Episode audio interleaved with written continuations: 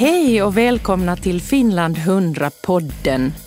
Jag heter Johanna Parikka Altenstedt och jag sänder den här podden under hela 2017 varje söndag. Tanken är att vi ska samla allt sådant intressant som har en anknytning till Finland och finskhet härifrån Malmö och Mami-studion. Men vi kommer att titta på Sverige som helhet och även Finland och Skandinavien också om det behövs, även Baltikum. Jag presenterar den här podden och några intressanta gäster varje söndag. Vi kommer att lägga en länk till sändningarna på Facebook på Ice Cream Consulting AB som producerar podden. Idag firar man i Finland Runebergs dag. De flesta sitter och dricker kaffe och äter Runebergs tårtor. Ni kan googla om ni vill se hur de ser ut och hur man bakar dem. Runeberg sägs ha ätit dem varje dag. Johan Ludvig Runeberg var nationalskalden som åkte riket runt på 1800-talet och samlade vittnesmål och berättelser om det kriget 1808 till 1809 som ledde till att Sverige förlorade Finland till Ryssland. Hans diktning om Sven Duva är vida känd också här i Sverige.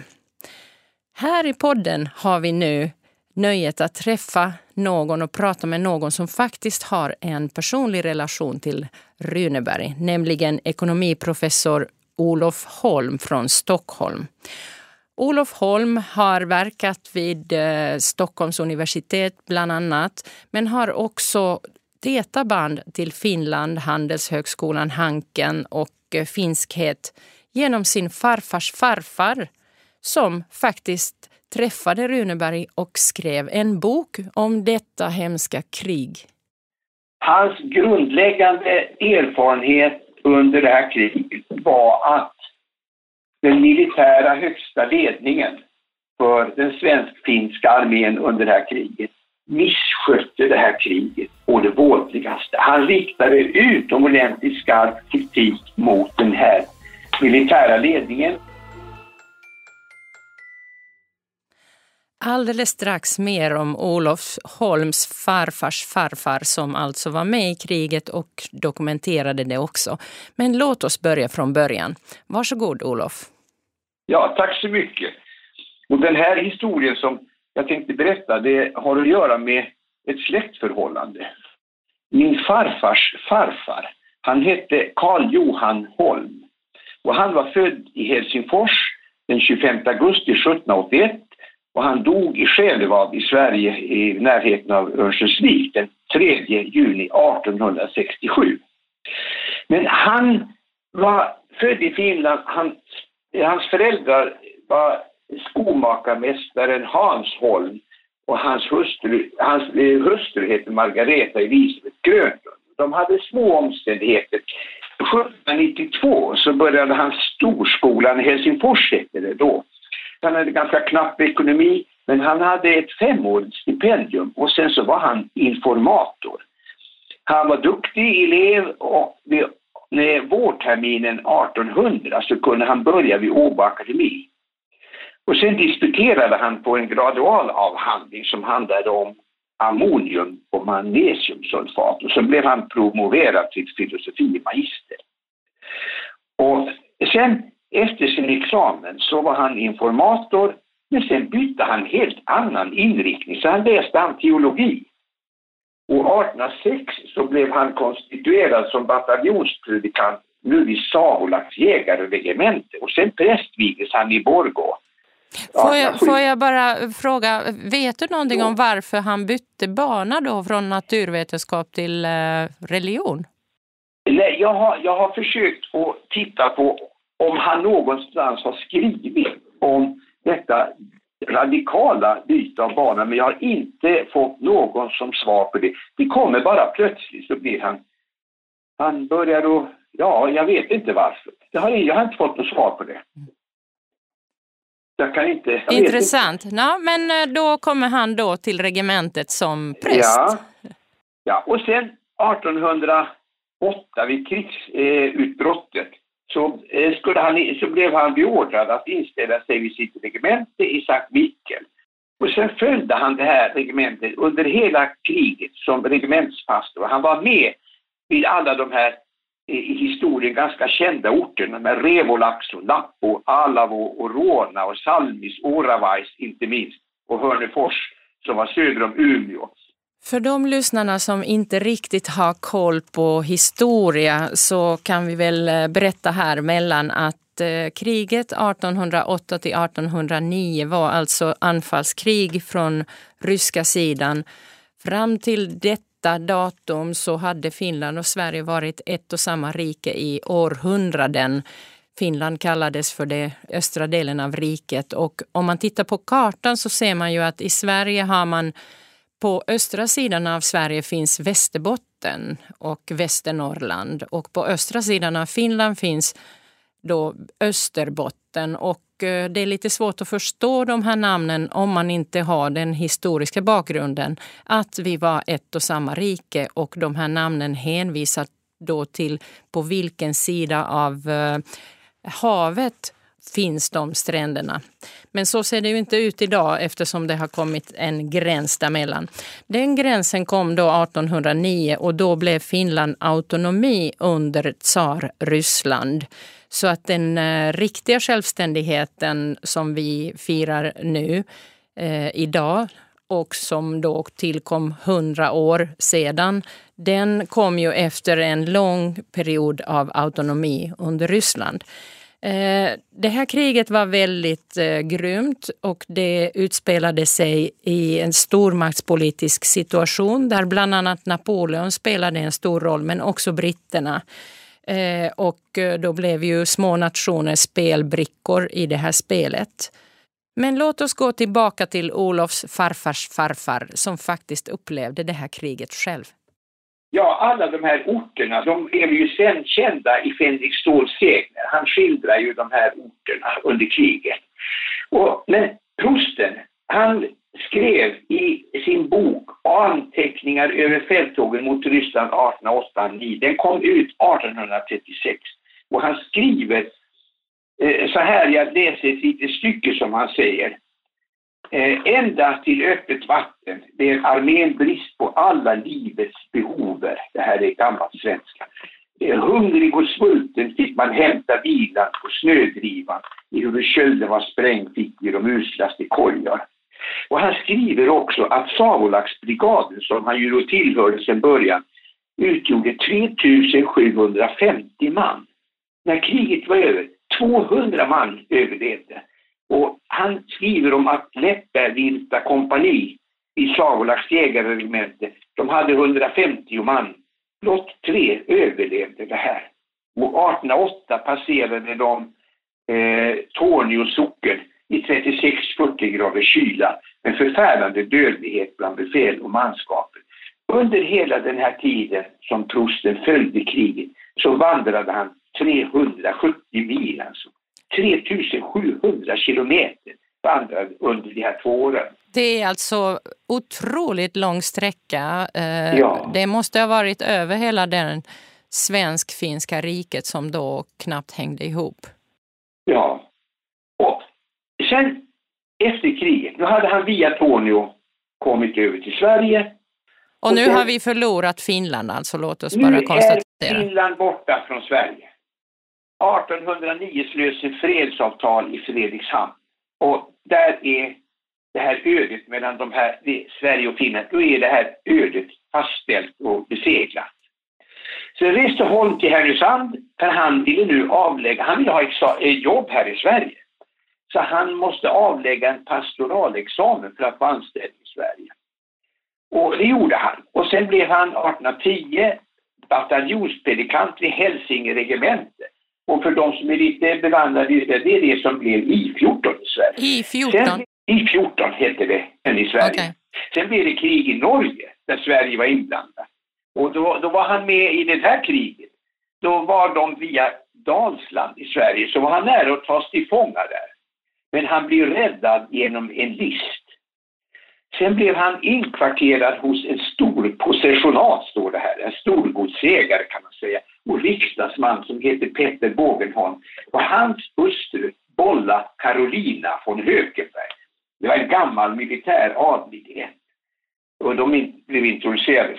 Deras dotter hette Margareta. Och hon lär ha varit mycket vacker så hon kallades för Dalslandsros.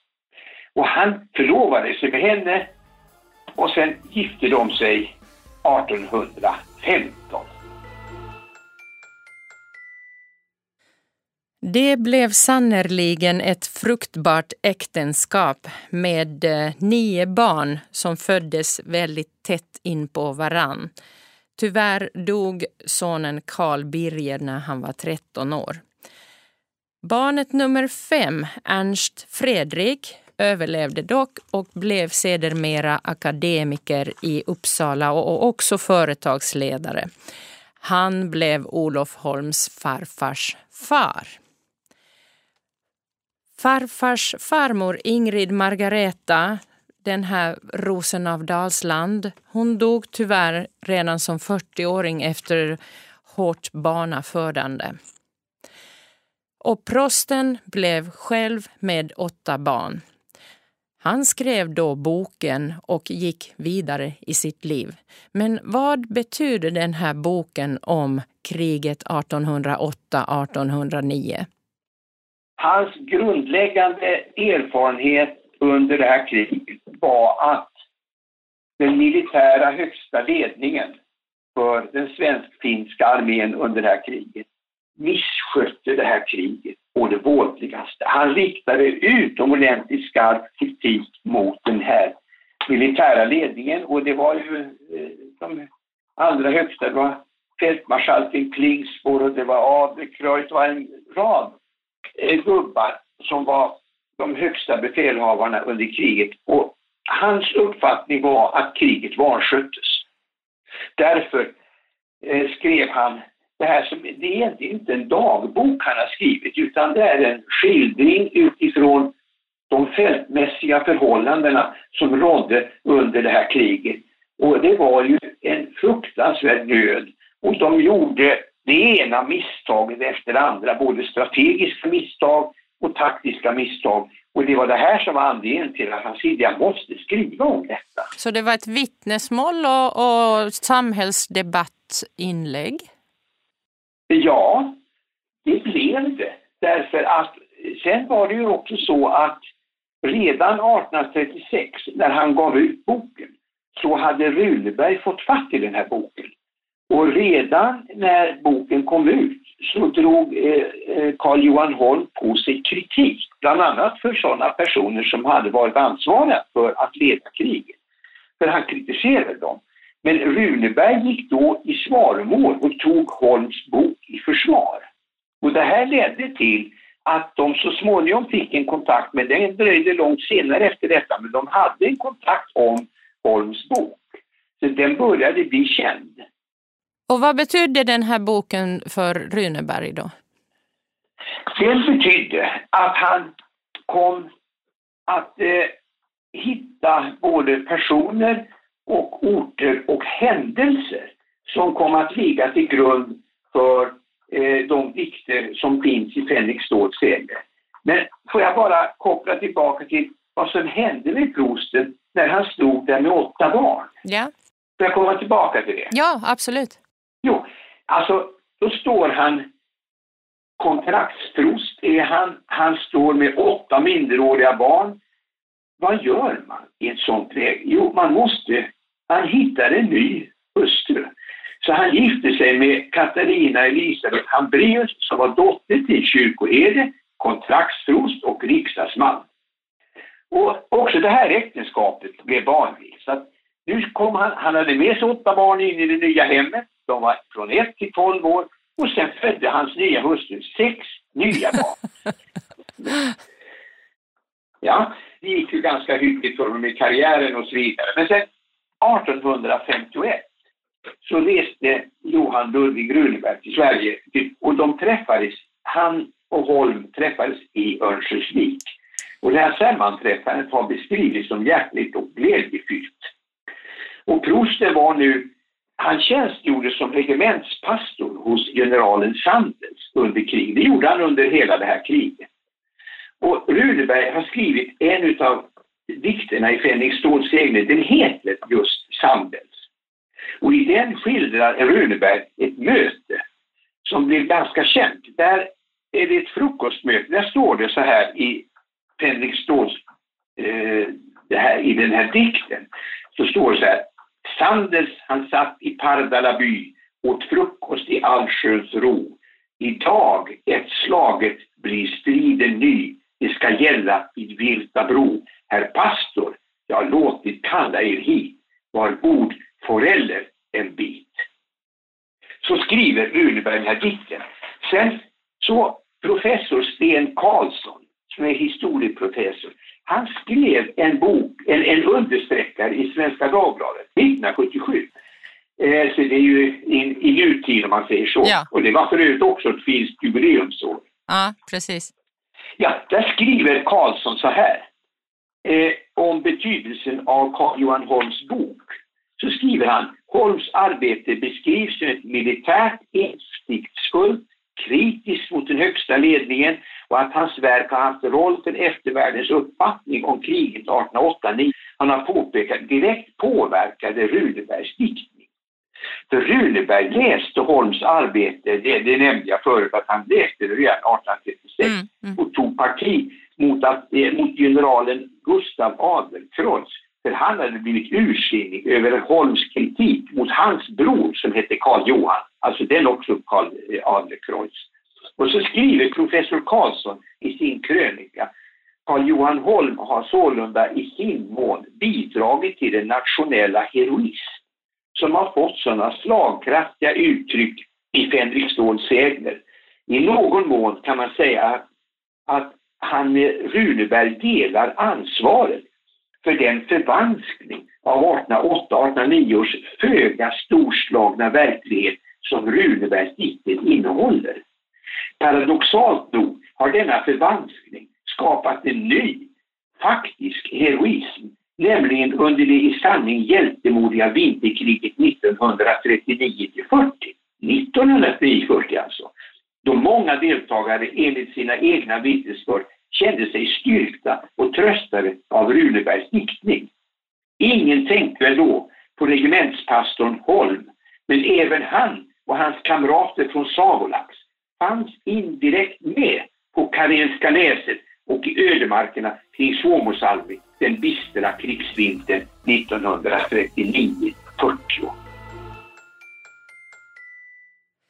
Nu har vi fått höra Olof Holms farfars farfars berättelse från kriget 1808-1809 och hur han sedan skrev en kritisk bok om detta 1836 och efter 1850 inspirerade självaste Runeberg i diktningen om detta krig.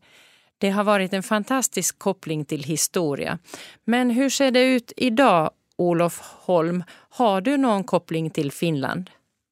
Ja, eh, alltså kännedomen om det här släktförhållandet, det har jag faktiskt levt med ända sedan jag var barn. Därför att hemma så, min, jag har ju aldrig, jag träffade naturligtvis aldrig min farfars far, men min farfar träffade jag. Alltså han var ju sonson till prosten. Och han och min pappa, som också hade nära förbindelse med Finland. Min farfar hade kontakter med Finlands träindustri under, eh, under den här tidiga industrialismen under 1920-talet och 30-talet. Men den här berättelsen om att det här släktskapet har hållits levande för mig ända sedan jag var liten. Och sen har det funnits i mitt hem böcker om 1808-1809 års krig, Självfallet har Fänrik Ståls segler, den har ärvts upplagor sedan utgivna på 40-talet. De, de har funnits i mitt barndomshem eh, och har varit som en levande del av min historia under hela min uppväxt. Och därför var det ju en, en lite märklig slump att när jag själv disputerade 1984 att det, var, det råkade bli så att min opponent var professorn Ralf Helenius från Hanken.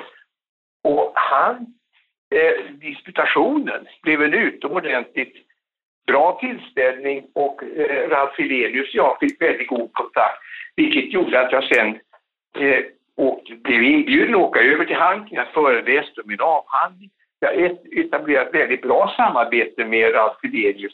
Vi hade ett seminarium kring välfärdsstaten och sedan, det var ihop med Finska arbetsgivarföreningen och Finska LO. Så att vi fick en utomordentligt konstruktiv samvaro.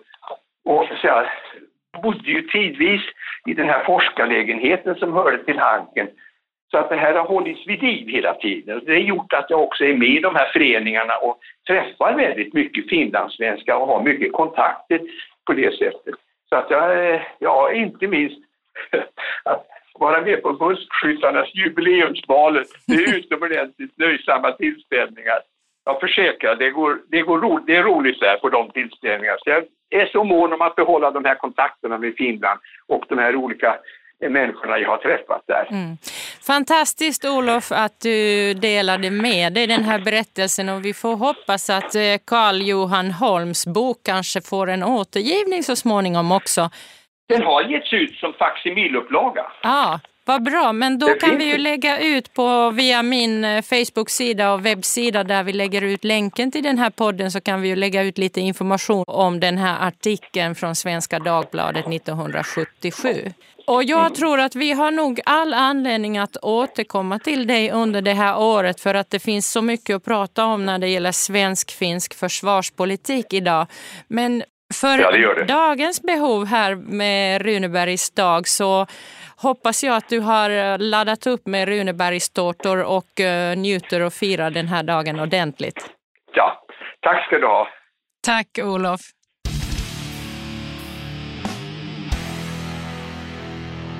Heli van der Falk.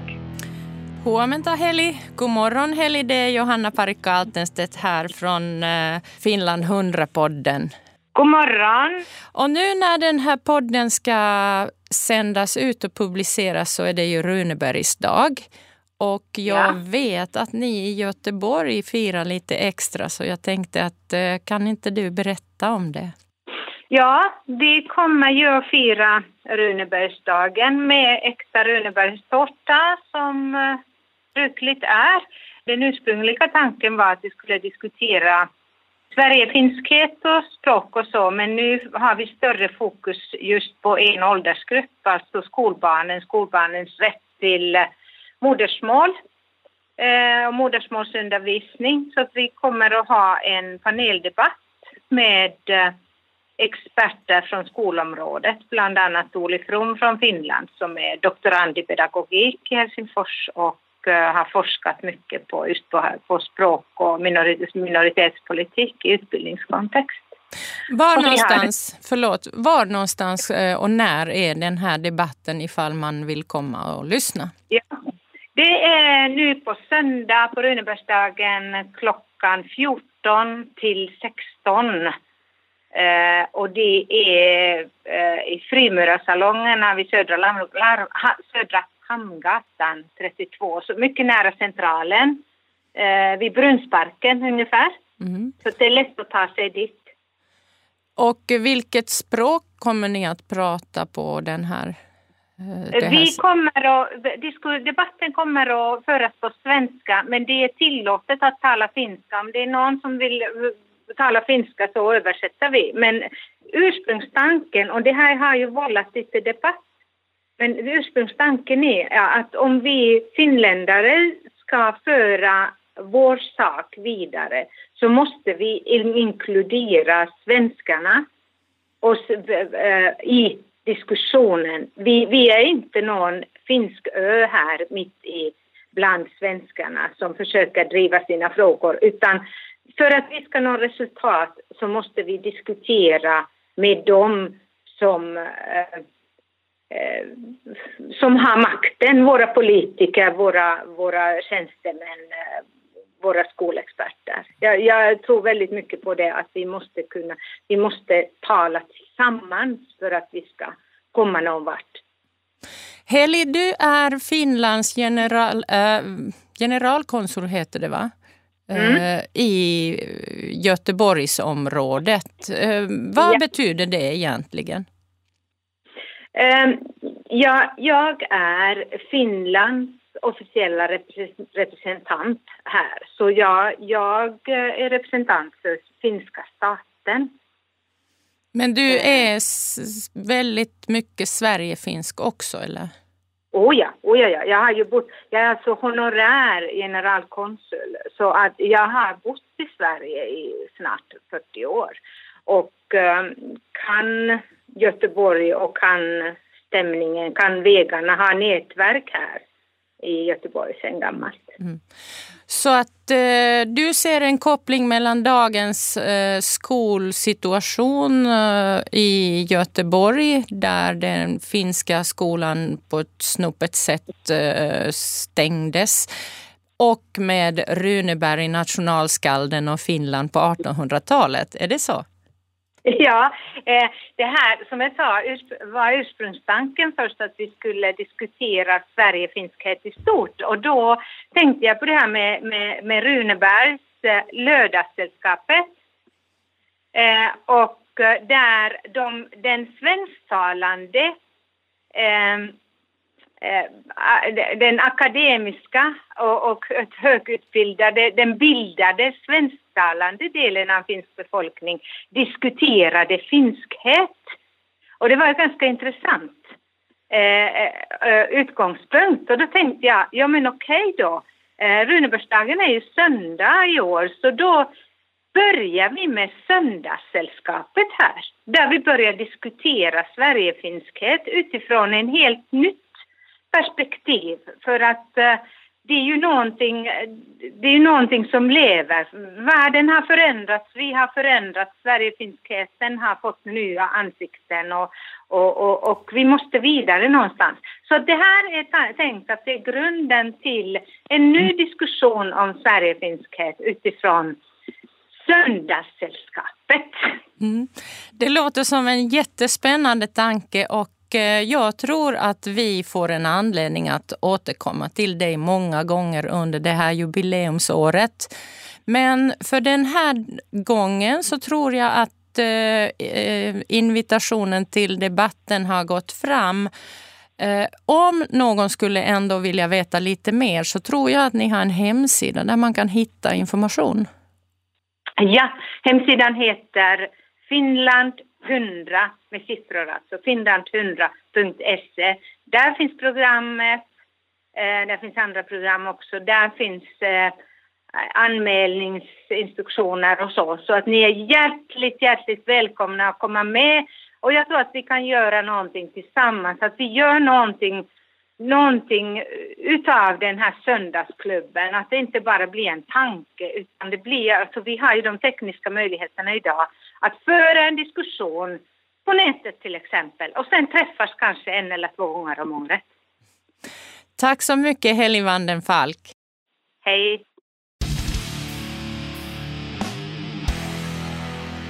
Du lyssnar alltså på Finland 100-podden med mig Johanna Parikka Altenstedt. Jag sänder från Malmö. Men ämnesområdet det täcker ju hela Sverige och Finland också. Och man kan väl säga så här att vi har idag pratat om kriget och 1800-talet och landat då i en skolstrid i Göteborg 2017. Så att visst har Runeberg och finskhet och nationella minoritetsspråk en aktualitet utan dess like. Det är också lite roligt att eh, på 1800-talet så var det den svenska bildade adeln som på svenska diskuterade skolfrågor och Finland. Och idag har vi ju Finland och den finska skolan som förebild här i Sverige när man debatterar skola. Som det kan gå. Jag avslutar dagens sändning med att förklara vad Runebergs tårtor är. För det är ju inga tårtor utan det är små bakelser egentligen. Och eh, det sägs att Runeberg har ätit dem under årens alla dagar. Men vi i Finland vi köper dem till Runebergs dag och eh, har dem till fika. Ungefär som ni har fastlagsbullar här i Sverige. Du kan googla receptet. Det är ganska knepigt att göra dem, men de är väldigt goda. Det är både bittermandel och eh, kokos och eh, ströbröd i. Och enligt vad jag har hört så ska man egentligen krossa gamla pepparkakor som har blivit över från julen och också blanda i den här degen. Det ser jag inte ut i de här moderna recepten dock. Det finns gott om Runebergstårtor och tårtrecept på svenska också. Det är bara att googla. Jag hoppas att du har tyckt om den här podden och att du återkommer om en vecka. Jag lägger ut sändningar alltid under söndagen har jag tänkt mig. Moi moi!